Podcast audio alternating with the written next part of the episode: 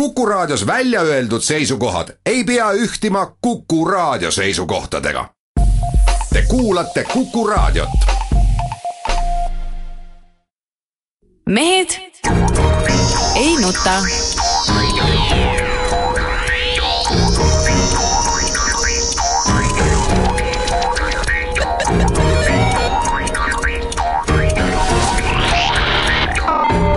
mehed ei nuta tere teisipäeva, Mehed ei nuta eetris, Kuku raadio stuudios Peep Pahv Postimehest, tervist! Jaan Martinson Eesti Päevalehest, Delfist ja igalt poolt mujalt ja Tarmo Paju on paraku komandeeringus äh, Soomes, vedeleb seal kuskil mäe peal, üritab sealt alla sõita suuskadega ja arvab, et on kõva, kõva mäesuusataja. oled sa kuuldel, Tarmo? jaa, olen küll, jah. räägi, kuidas sul on, päike paistab ja tore on olla või? päike paistab ja äärmiselt tore on olla, välja arvatud võib-olla niisugune fakt, et ma täna hommikul ainult alles tulin selle peale, et oleks pidanud sellise kiivri muretsema, kuhu oleks saanud mikrofoni sisse panna ja oleks saanud sõidu, sõidu pealt veel saadet teha. jah, aga sa ikka selfisid teed või? kuidas? kas sa selfisid teed ja ikkagi sõidad, vaata see nagu Kelly Sildaru see pulk peos ja mis see on, GoPro kaamera või mis iganes see on? Ei tea, tundub, et vanus on võib-olla mingis mõttes oma tööd teinud, et et seda kiusatust ei ole, ma kusjuures istun siin praegu Himose mäesuusa nõlva kuskil, ronisin siin kuskile nagu sellest suusamäest kõrgemale, istun ühe kännu otsas siin. ja minu nina alt just sõidab mööda üks selline rada, millel on kusjuures ka maagilised, nimes on maagilised kolm tähte, see on siis see nii-öelda Dew park või mis iganes see nimi siin täpselt on, mille sisu on siis see, et jah, see on igasugu atraktsioone täis, mida me oleme harjunud Kelly Sildaru võistlusest nägema, igasugu käsipuud ja hüpekad. et äh, nii palju on juba siis külge jäänud sellest, et see tekitas sellist toredat äratundmisrõõmu, need kolm tähte. aga üldiselt ära uhkusta seal, ega see foto ka, mis sa meile saatsid, see ei ole midagi erilist, seal ei ole mingit vaadet ega midagi ja ja minu arust niisuguse asja pärast ei ole mõtet sinna minna.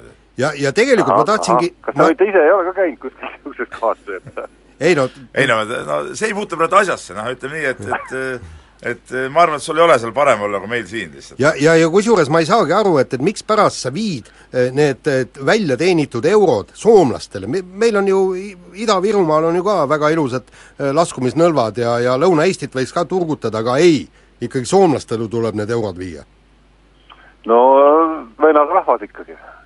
ja üleüldse, tead, Himos on tegelikult ju rallimekka, meie Jaaniga elasime suvel Soome ralli ajal seal Himose nende mägede juures ju. just. ja, ja seal, ja seal oli ralli kiiruskatse hoopis, nii et, et see on nagu õigem värk, kui see suuskadega seal nöker. mul on teie üle, mul on teie üle muidugi jube hea meel, aga fakt on see, et kui see saade lõpeb, siis siis ma astun siit kümme sammu alla, panen suusad alla tagasi ja ja sõidan värskelt äh, masina poolt puhtaks tehtud rajast jälle alla, nii et eks ma siis alt helistan sulle tagasi, Peeter räägin, kuidas tunne oli. aga põhimõtteliselt sa üldse tead, mis praegu Brüsselis toimub?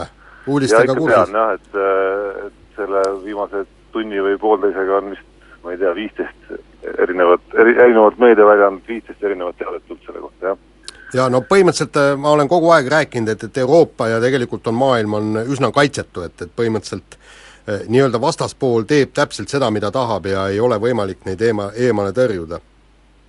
ei saa salata, et sellisel hetkel noh, kui on niimoodi üldse ilus öelda, et sellisel hetkel on veel eriti hea kuskil pagus olla nii-öelda no, nii, aga läheme spordi peale lä. Läheme nüüd spordi peale ja räägime siis kõigepealt häid uudiseid, hea uudis oli see, et, et Nikolai Novosjolov, meie kuulus epee-vehkleja, kahekordne maailmameister, pääses eh, lõpuks olümpiale taas kord kolmandat korda juba. Äh, kahju on see, et, et äh, Budapesti turniiril tal äh, vehklemine eriti ei õnnestunud, sai juba esimeses ringis tappa, aga kõik tema konkurendid olid, olid veelgi kehvemad või vähemalt nii palju punkte ei teeninud, et Novotšolovist mööda minna ja ja tore on, tore, et mees on olümpial, aga kurb, et, et, et vorm ei ole see, mis võiks olla.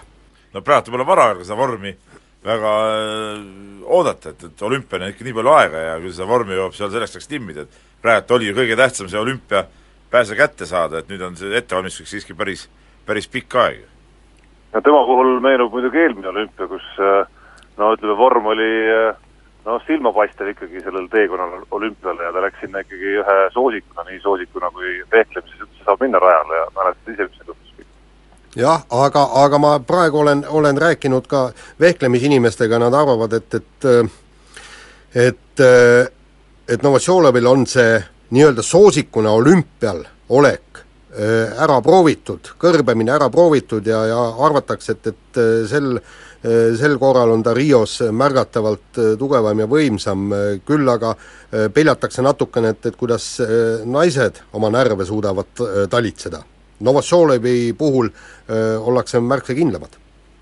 no eks vehklemine on selline ala ka, et see on näidanud ju, et seal, seal oleneb väga palju sellest niisugust hetke, hetkemomendist ja sellest, kuidas sa emotsionaalselt, ütleme, see üks matš sul läheb, saad ühe võidu kätte, tuleb seal kindlus ja, ja sealt võid ronida edasi, edasi, edasi, edasi ja seal väga palju neid osalejaid pole, et ega seal väga palju neid matše ka võita vaja ei ole, et, et samas ega naised ka no olümpia olümpiaks, eks ole, aga nad on ju ikkagi noh, nii palju karastunud ju MM-idel, EM-idel ja igal pool, et et noh, no mina ei näe küll, et nüüd, et nad peaksid minema sinna olümpiale kõrbema.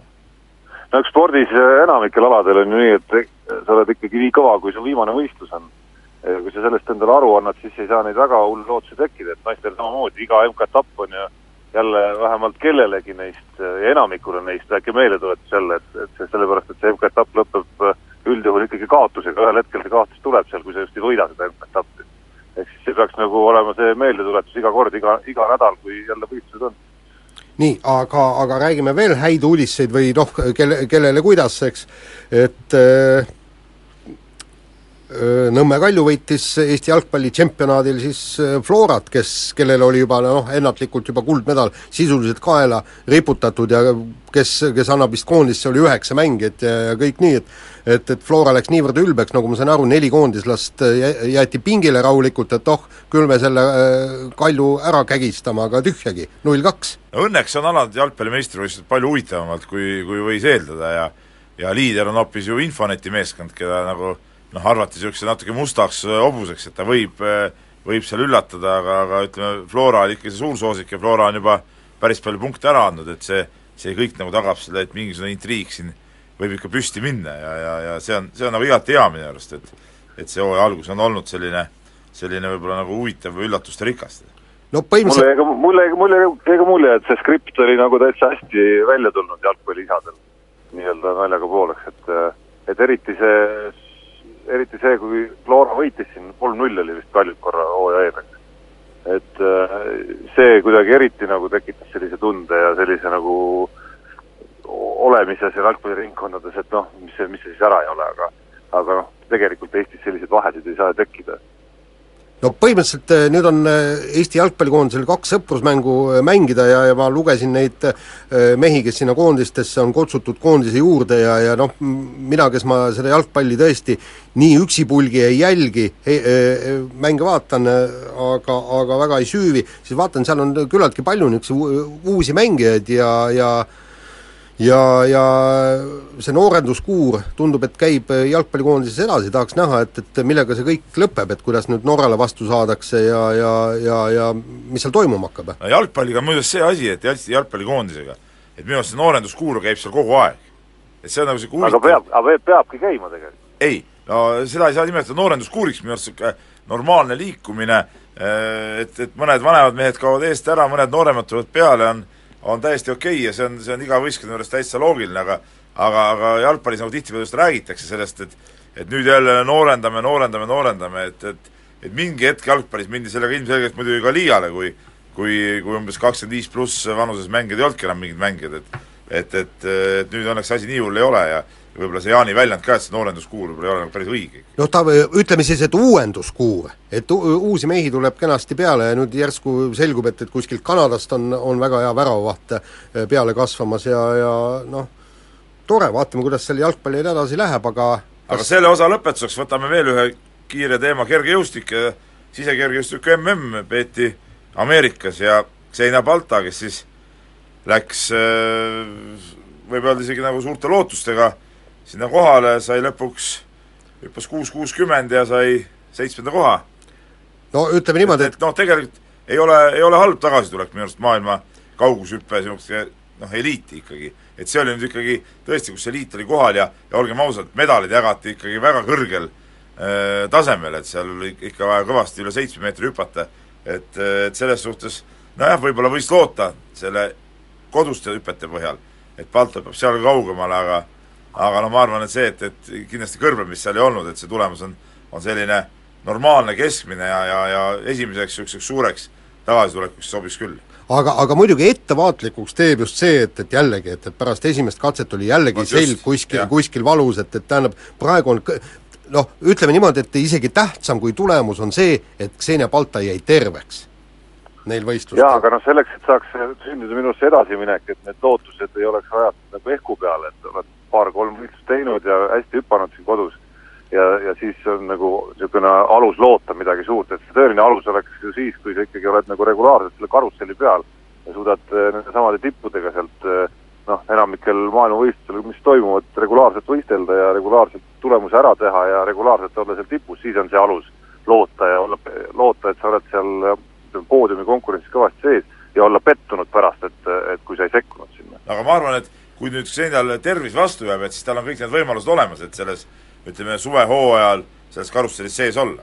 just, tervis on kõige tähtsam, aga teeme nüüd äh, väikse pausi, kuulame reklaami. mehed ei nuta.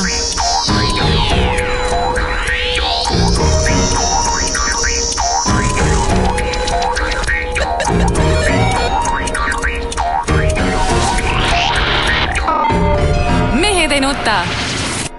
Jätkame saadet kiire vahemänguga ja no kõik Eesti suusatajad, kes ei olnud äh, viiekümne kilomeetri Eesti meistrivõistluste stardis, äh, häbenege nüüd palun silmad peast äh, välja kamba peale, sest Raio Piiroja, meie veteran, jalgpallur, on Eesti kolmeteistkümnes suusataja kuninglikul distantsil ja mitte midagi ei ole öelda. ta on kõikidest teistest kõvem, kes starti ei tulnud. mees jäi küll vist viimaseks, eks, aga, aga ikkagi, kolmeteistkümnes suusataja ja nii on, kõik need pulleritsud ja kõik, kes siin mööda äh, Tartu maratone sõidavad ja, ja taovad endal rindu, et näed, et nad on esisaja mehed, tühjagi te ei ole. üks kõige... asi on pulleritsud, aga rohkem vaatame nüüd nii-öelda päris suusatajate poole. et kus te mehed olite? et, et okei okay,, siin räägime küll, et haiged ja, ja, ja nii ja naa, aga noh, no ma ei tea, minu arust see, kui sa vaatad see viiekümne gildi osalejate, osalejate stardinimekirja, siis tegelikult nii-öelda päris äh, distantsi koondisest oli ka ainult Raido Ränkel seal, kes ütleme, nagu päris suusataja oli. sest et seal pronksi võitlus ju lõpuks ju ammu juba äh, nii-öelda tippspordist loobunud Teppan, eks ole, et seal olid ju täitsa, täitsa niisugused noh, harrastajad pluss siis nooremad mehed. jah, pluss mä-, määrdemees Raul Seema Seema jah, sõitis vapralt lõpuni seal, et, et et minu arust on see nagu näitab ilmekalt ära selle Eesti suusatamise hetketaseme, et, et et eh, need mehed, kes meil on, need, need ei saa isegi starti mindud. kusjuures isegi koondislased, üks asi on koondislased, kes oleks pidanud kohal olema, aga teine asi on ka sellised noh, enam-vähem piiroja tasemel harrastajad ikkagi. ja see tase ei ole ju üldse kehv, see kaotus minutites harrastaja kohta ei olnud ju, maailma ei olnud nagu väga suur. et noh, ka, ka, ka nemad, miks nad välja ei tule, jääb vähe arusaamatuks sellise talve järel, kus noh, ei ole just kõige rohkem olnud võimalust. Jah, Tartu maratoni ju ei toimunud, eks.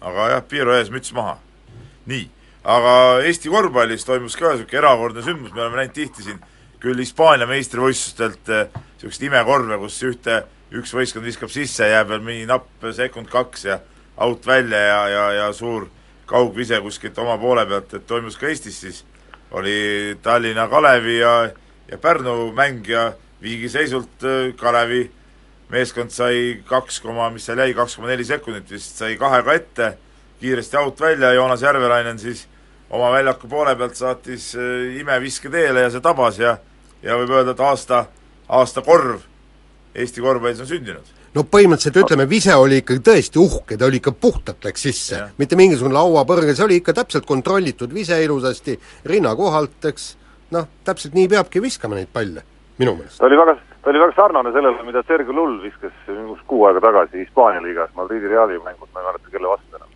et täpselt. Äh, väga sarnase koha pealt ka kusjuures.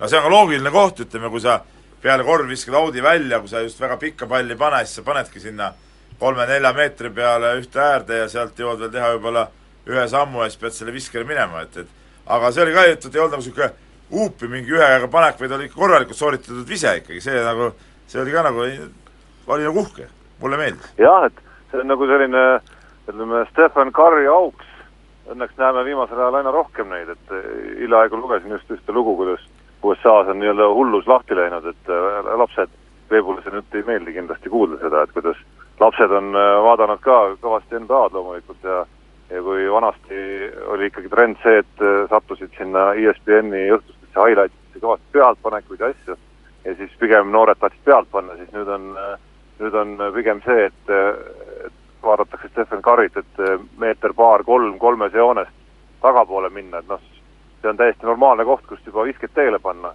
et siis äh, seal noortetreenerid on vähe nagu ärevil, et et äh, kõigi jaoks see päris ei sobi, et hetkel on maailmas üks mees tõestanud, sobib. ei no mis, mis siin salata, siin üks äh, kolm-neli nädalat tagasi äh, mängisin oma poistega siin, mängime siin Tallinnas seda meeste, meeste kossuliigat, et noh, natuke meeste kehasid saaks see poisid tunda ja ja mu oma poiss, Vasunnik, võttis järsku, no ma pakun välja kolm meetrit joonest küll, võttis selle viske ja pagan, pani ära ka veel, tead, näe. aga sõimasid ikka läbi ta või? no pärast ikka natuke nagu ikka tegin niisugust profülaktilist öö, öö, peapesu ka, et, et, et ei olnud nagu kõige mõistlikum vise võetud. aga noh, No samas siis jälle on see korv on korv, no mis sa ikka teed, noh. siis on see jõudnud Eestisse ka, noh. see läks just lahti pärast seda, kui Curry pani võidukorvi Oklahoma City vastu ka kuskil üheksa pealt. noh, selle koha peal, kus kaitse veel mõtles, et noh, et ta sealt ju ei viska, et ta tuleb veel paar sammu lähemale. ei no on, ongi, kaitse ongi seal eemal ja, ja siis ongi, jah.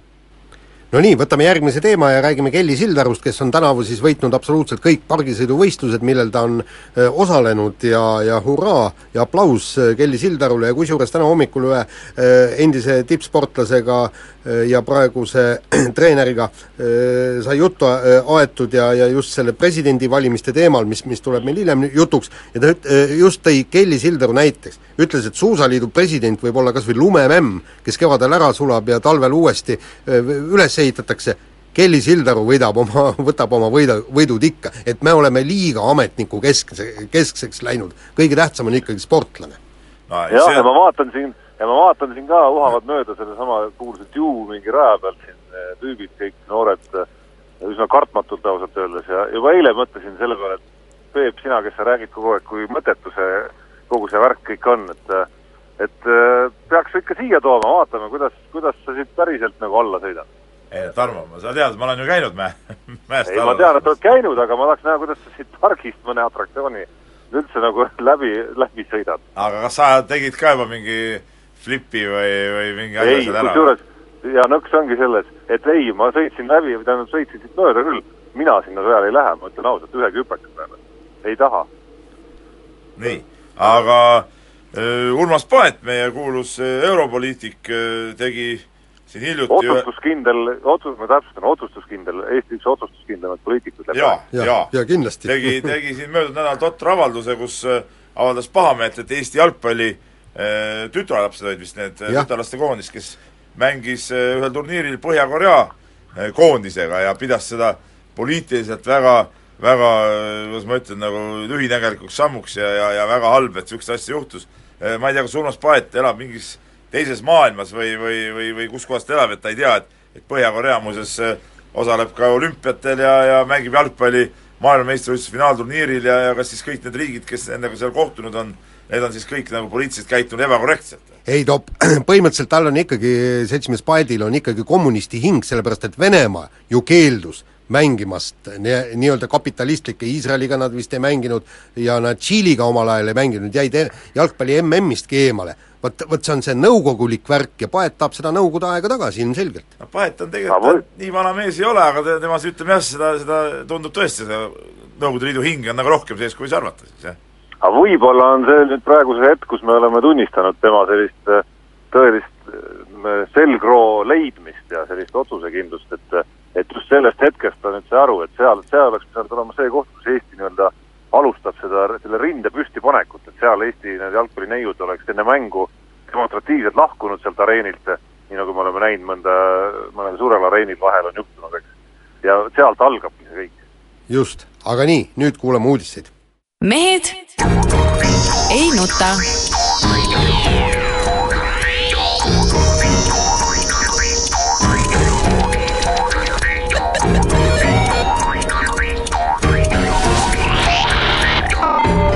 mehed ei nuta. jätkame saadet, Kuku raadio stuudios Peep Pahv, Jaan Martinson ja Himose ralli nõlvadel Tarmo Paju öö, seletamatutel asjaoludel suuskadega sõitmas.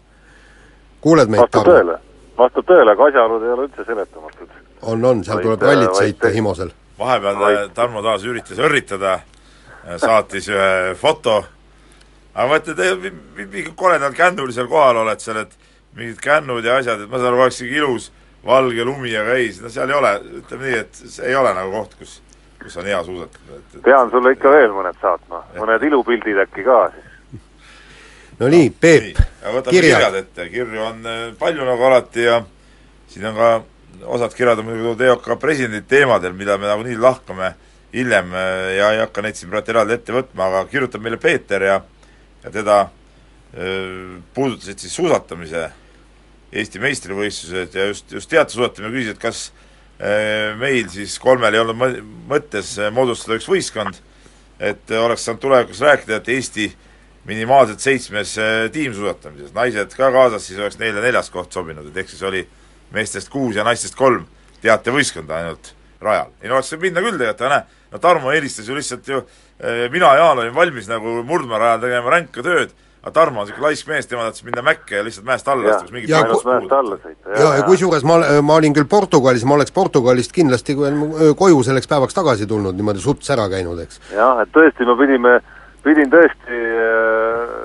pidin tõesti tõrjuma Peebu raevukaid äh, neid katseid ikkagi, et lähme, lähme, et äh, lähme teeme selle ära, aga pidin neid tõrjuma tõepoolest. ei, aga te-, te-, tegelikult ütleme, kui, kui nüüd äh, tõsiselt öelda, siis mõelge, kõik need harrastussuusatajad, kes te tõesti sõidate kõik need maratonid siin Eestimaa pinnal läbi, minge võtke punt kokku ja minge Eesti meistrivõistlustele.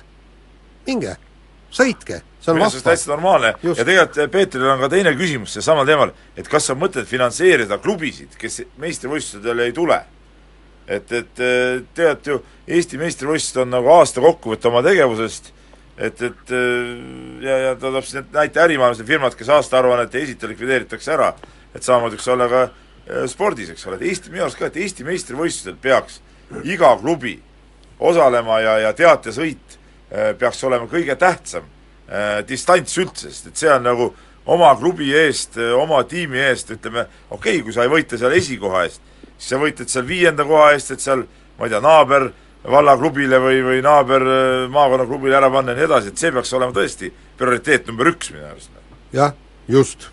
nii aga Mihkel kirjutab siin ja, ja siin äh, eelmises saates oli meil palju juttu siis dopinguainest äh, äh, meldooniumist ja, ja ta, Jaan ütles, et noh, et see ei ole nagu kahjulik, aga Mihkel toob siin näite, et see on mõeldud kasutamiseks siis kahe kuni kuuenädalaste kuuridena, mitte aga aastapikkuseks võtmiseks. Ve-, veel kord ütlen, kust ma ei tea, on tulnud see jutt, et nad on kahe kuni kuuenädalased kuurid, lugege sedasama ravimi infolehte, mis selle ravimi kõrval on. seal ei ole kuskil mitte ühtegi sõna kirjutatud kuuride kohta, seal on kirjeldatud, kirjutatud otse, pikaajalisel tarvitamisel kõrvalnähtusid ei ilmne. See on see ravimi infoleht. lugesin selle Jaan- läbi. Jaan, sa kirjutasid ise eelmine nädal kohe pärast meie saadet ka ju pika loo sellest samast Meldooniumi teemast.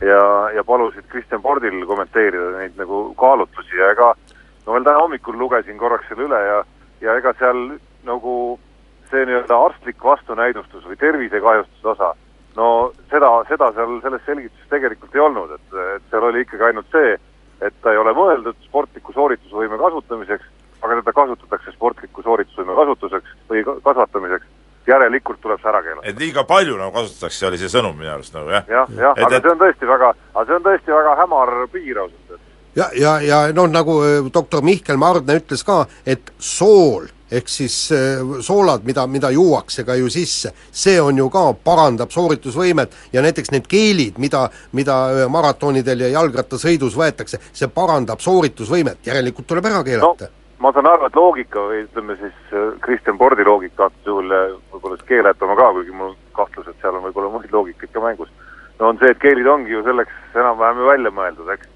spetsiaalsed tooted, aga antud juhul on tegemist mingisuguse ravimiga, millel on nii-öelda primaarne eesmärk on muu, aga ikkagi on see kuidagi väga libe tee. no noh, et noh, selles suhtes ma olen jah seda meelt, et kui et äh, ei saa üle piiri minna nende keelamistega, aga kui asi on muidugi keelatud nimekirjas, siis noh, sa ei saa ju seda siis võtta ikkagi, et siin on nagu aga see, kusjuures see on ikkagi teine müstika, kuidas äh, ma ei tea, on neid sadakond juba või rohkem üle saja, üle saja juba, jah. kes, kes isegi kes, kes on, ei ole suutnud seda nagu kuidagi selgeks teha ja osad neist siis päris no päris arvestataval või nagu ülimal tasemel Maria Šarapust rääkides. ei no jaa, aga, aga praegu kaasa tegevad sportlased, kes ise ei peagi selliste asjadega kursis olema ei no aga praegu, praegu tuli uudis, et, et see äh, väljub organismist väga pikaaegselt ja, ja võib olla jälgi mitme kuu tagant et põhimõtteliselt nad on tarvitanud, eelmine aasta nad tarvitasid, kolmekümne esimesel detsembril võis seda tarvitada, esimesest jaanuarist pole tarvitanud ja, ja nüüd aga jäljed on sees, jah? jäljed on sees, jah. siin, siin oligi ju, osad sportlased juba kurtsid seda ju, et nad on ja. lõpetanud selle tarvitamise, aga andsid ikkagi positiivse dopinguproovi, noh. et eks see, minu arust siin oleks võinud anda ka siin mingisuguse ülemineku aja, kui on teada, et see nii kaua organismist välja läheb, et, et et no ma jään nüüd no., ma jään nüüd faktidega muidugi natukene hätta, et mis kuupäeval täpselt teavitati, et loomulikult kindlasti ei olnud see kolmekümne esimene detsember, mis päeval see teavitus laiali aga võtta võis ju kuni kolmekümne esimese detsembrini seda ju. kolmekümne esimese detsembrini võis võtta, ta ei olnud keelatud aine. jah. no siis sa pidid ise arvestama lihtsalt, et ei, ei, miks? võib dopingukontroll sul ukse taga olla. ei no jaa, aga, aga mind ei saa selle eest karistada, et ma eelmine aasta, siis kui aine oli lubatud, ma seda ainet tarvitasin. mind ei saa selle eest ju karistada no saab ikka, sest. Äh, ega ei mõõdeta seda kasutamist, vaid seda, kas sul esimesel jaanuaril on äh, aines neid äh, nii-öelda või tähendab, kehas neid aineid, mis aitavad sul sooritusvõimet või mitte. kuule, ma, ma arvan selle loogika järgi, Jaan, selle loogika järgi võiks olla nii, esimesel jaanuaril on mõni Tour de Ski etapp, näiteks, suvaline näide praegu. nii, kolmekümne esimesel kõik need äh, suusamehed ja suusanaised seal ahmivad endale kõiksugu sooritusvõimet parandavaid keelatud aineid sisse esimesel jaanuaril jäävad kõik vahele ja ütlevad, et nad pole midagi rikkunud, et kolmekümne esimesel, kolmekümne esimesel võis. ei, ei kui, kui kolmekümne esimesel tohtis, siis järelikult tohtis seda võtta, ma arvan, et kohtus äh, need väited läbi ei lähe. sest äh, kui aine on lubatud, võib teda tarvitada. nii, nii, ja muidu jäämegi seda teemat vaidlema, ma siin sekkun nüüd, ja Voldemar on meile kirjutanud ja küsib, et mida mehed arvate siis Novak Djokovic'i äh, väitest, et mehed peaksid saama tennises suuremat auhinnaraha eh, noh, peavadki saama, eks ole, sest nende mänge vaatab rohkem inimesi. no nõustume, absoluutselt no.. ütleme, meistresport on ikkagi see, mis, mis tõmbab, tõmbab pealtvaatajaid just oma selle no sportliku poolega, naistesport tõmbab tihtipeale see, et et noh, seal on ilusad tütarlapsed, kenad sooritused, aga selge see, et meeste pool peabki suurem auhinnaraha saama, et see on elementaarne. teine asi on ju see, et, et Grand Slamil mehed mängivad ju äh, pikemaid matše ka. pikemaid matše jah ja., viiest parem. naised kolmest parem, tähendab, mehed teevad äh, raudselt rohkem tööd. noh, see, see, see peaks olema ju loogika no Peep, kui see ilu tõesti ei ole siis väärt midagi, et ei või nagu ei, ilu on väärt küll, aga no selle eest nad saavadki oma, oma need äh, praegused auhinnarahad kätte. no aga siis võikski nii jääda ju ei no aga noh. et mis see Djokovicil valutab seal nii väga, ega tema sellest vahet no järelikult jääb. Jääb, jah. nii, aga lähme nüüd teemade juurde. Lähme nüüd teemade juurde. tal on tõesti, tal on tõesti, ma arvan, häda käes. just, aga häda, häda on käes ka vormel ühel.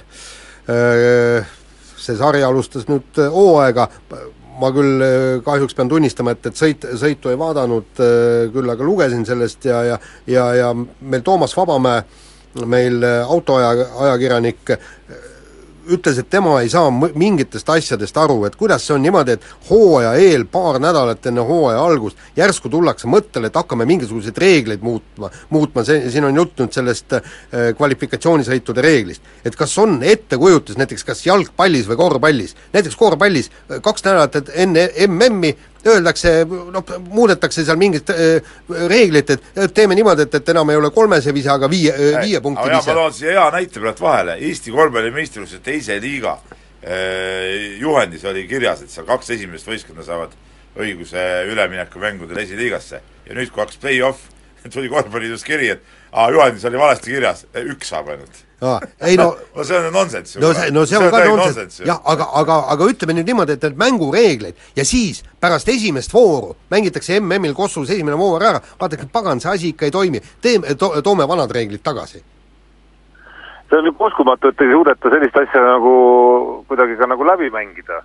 Või kas, kas keegi nagu tuli selle peale üldse, et, et mängida natukene läbi, et mismoodi see asi nagu praktikas välja näeb, nii-öelda no- simulatsiooni kombel enam-vähem. ei no tiimid ju ütlesid, et, et see on jama, et, et me ei hakka viimaseid minuteid kindlasti sõitma, seepärast me säästame rehve. kõik tiimid ju ütlesid seda.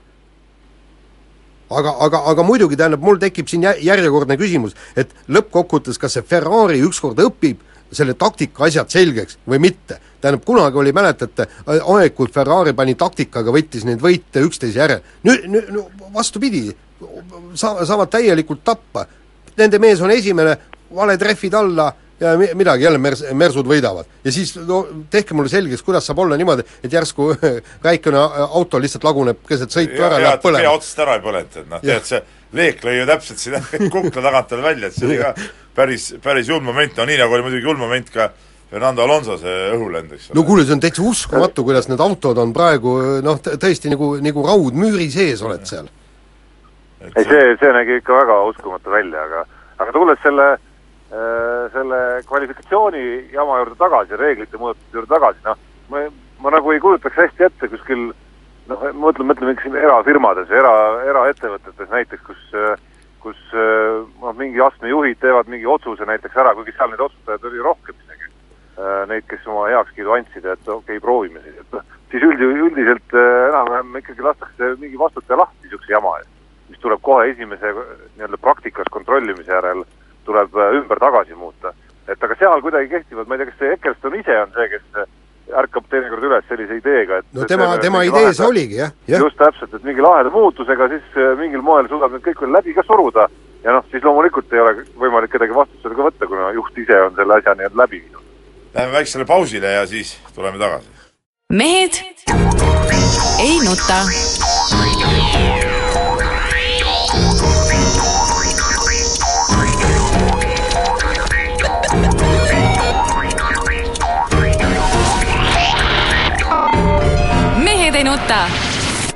Viimase saateosa eel nüüd selgitab äh, Peep Pahv meile, mis asi on korvpallimeistrite liiga ja kas äh, Eesti korvpallimeistritiitel on nüüd siis äh, väärtus omaette?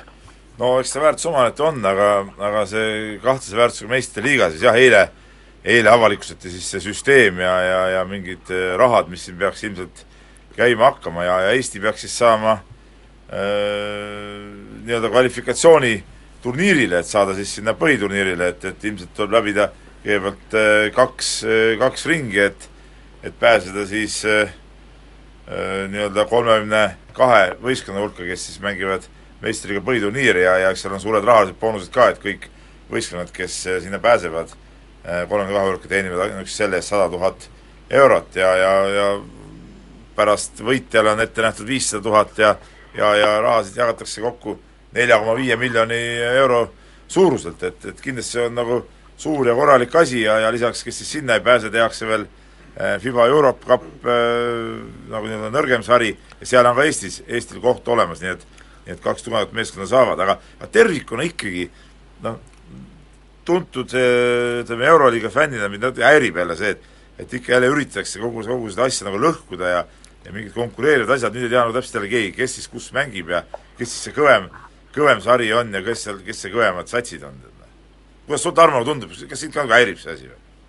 no häirib muidugi selles mõttes, et lõpptulemus häirib, et, et kuidagimoodi ei õnnestu FIBA-l, kes, kes, FIBA Euroopal eelkõige siis, kes on siis korvpalli nii-öelda juhtivorgan maailmas ja Euroopas, et ja kellel ei ole siis nii-öelda osalust selles Euroliigas ja, ja selle korraldamises, et tal kuidagi ei õnne-, see, mis on korra nii-öelda kuidagi käest antud, omaenda tegevusetusest eelkõige minu arust, et kuidagimoodi ei õnnestu enam siis nüüd tagasi ennast pildile mängida, et et see on nüüd üks tõsisemaid katseid, no mitte üks tõsisemaid, vaid tõsiseim katse tegelikult, mida on nüüd tehtud ikkagi, aga esimese hooga vähemalt tundub, et nad noh, on sunnitud olnud kuidagimoodi hoogu maha võtma ja ja see esimene siht on ikkagi kuidagimoodi nüüd natukene sellele mitte Euroliigale kannale astuda, aga sellele FIBA, FIBA Eurocup sarjale siis kannale astuda ja ja ähvardatakse seal päris tõsiste sanktsioonidega ikkagi igasugu alaliite ja ja klubisid, kes peaks siis nii-öelda selles konkureerivas Eurocupi sarjas miskit moodi nagu kaasa hakkama lööma ja neid nagu tunnustama, et et tulemuseks ma arvan,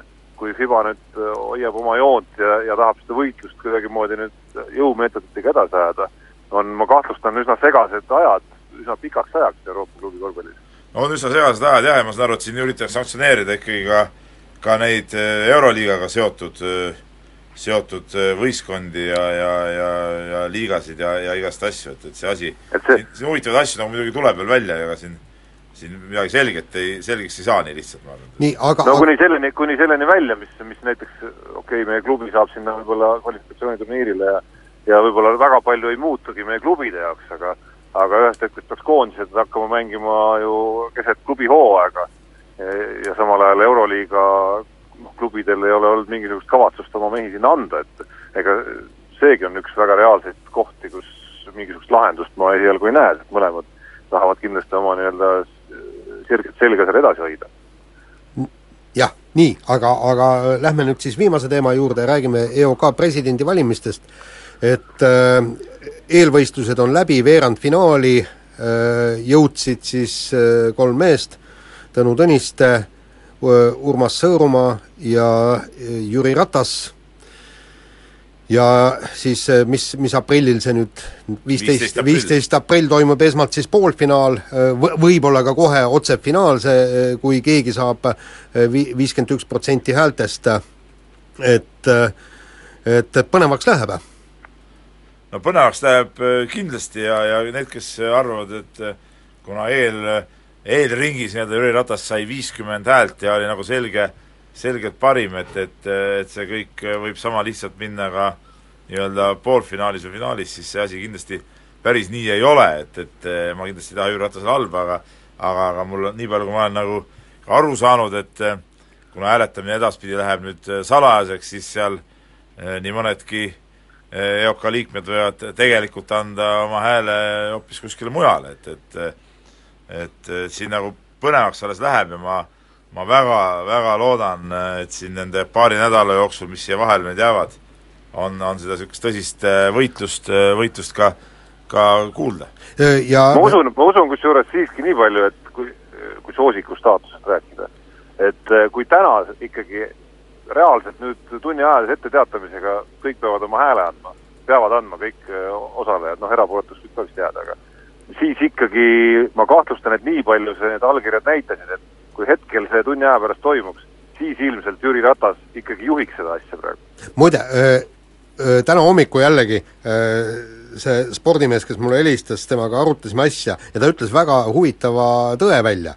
Eesti EOK presidendiks saab see, kes nii-öelda poolfinaalis ehk siis esimeses hääletusvoorus saab teise koha. jah, sest et äh, kolmanda koha mehed kaks kaotajat koonduvad nii-öelda, on see loogika seal taga kindlasti, aga no see ei pruugi alati ikkagi nii olla. no, no ütleme niimoodi, et seal on võimalus jah, et, et tõesti ko-, korjab kuus, kuuskümmend üks häält ära ja, ja esimeses voorus juba saab president selgeks, aga, aga, aga ütleme nüüd niimoodi, tahaks teada, et, et kuidas seal on, kas, kas Sõõrumaa ja Tõniste hakkavad kok-, kokku mängu mängima, kui nad ei hakka, siis nad söövad teineteise hääli ära ja, ja siis nad, siis läheb neil tõsiselt raskeks? no minu arust on ikka põhiküsimus on see, et nüüd selle alles jäänud aja jooksul kõik kolm kandidaati peavad ikkagi selgelt lahti ka seletama oma programmide su-, suhtes, et kuidas nad kavatsevad neid asju teha, et see peab olema tead see võti, mille järgi hakatakse hääletama, mitte see, et programmi võib iga, iga mees ilusat juttu kirjutada, aga küsimus on just see, kuidas neid asju teha, kas selleks on võimalusi ja, ja, ja mismoodi need lahendused tegelikult nagu peaks reaalselt toimima hakkama. ja vot selle järgi peaks hakkama hääletama. nii, Tarmo, sul on viisteist, viisteist sekundit on sul lõppsõnaks aega. ah nii, viieteistkümnega ei jõua midagi. ma tahtsin lihtsalt öelda, et ka kriitika võib-olla nende suhtes, ka oponenti poolt, võiks keskenduda rohkem nüüd edaspidi ideedele, mitte sellele, et näed, et tema on poliitik ja tema on siin mõjuvamas ärimees, kes on siin teinud seda, teist ja kolmandat ja omab, on toetanud seda, teist ja kolmandat, et ka see kriitika võiks minna selliseks ideedepõhiseks nüüd? sisuliseks. sisuliseks. nii, selge. Meie saade on nüüd läbi, kuulake meid nädala pärast, head aega! mehed ei nuta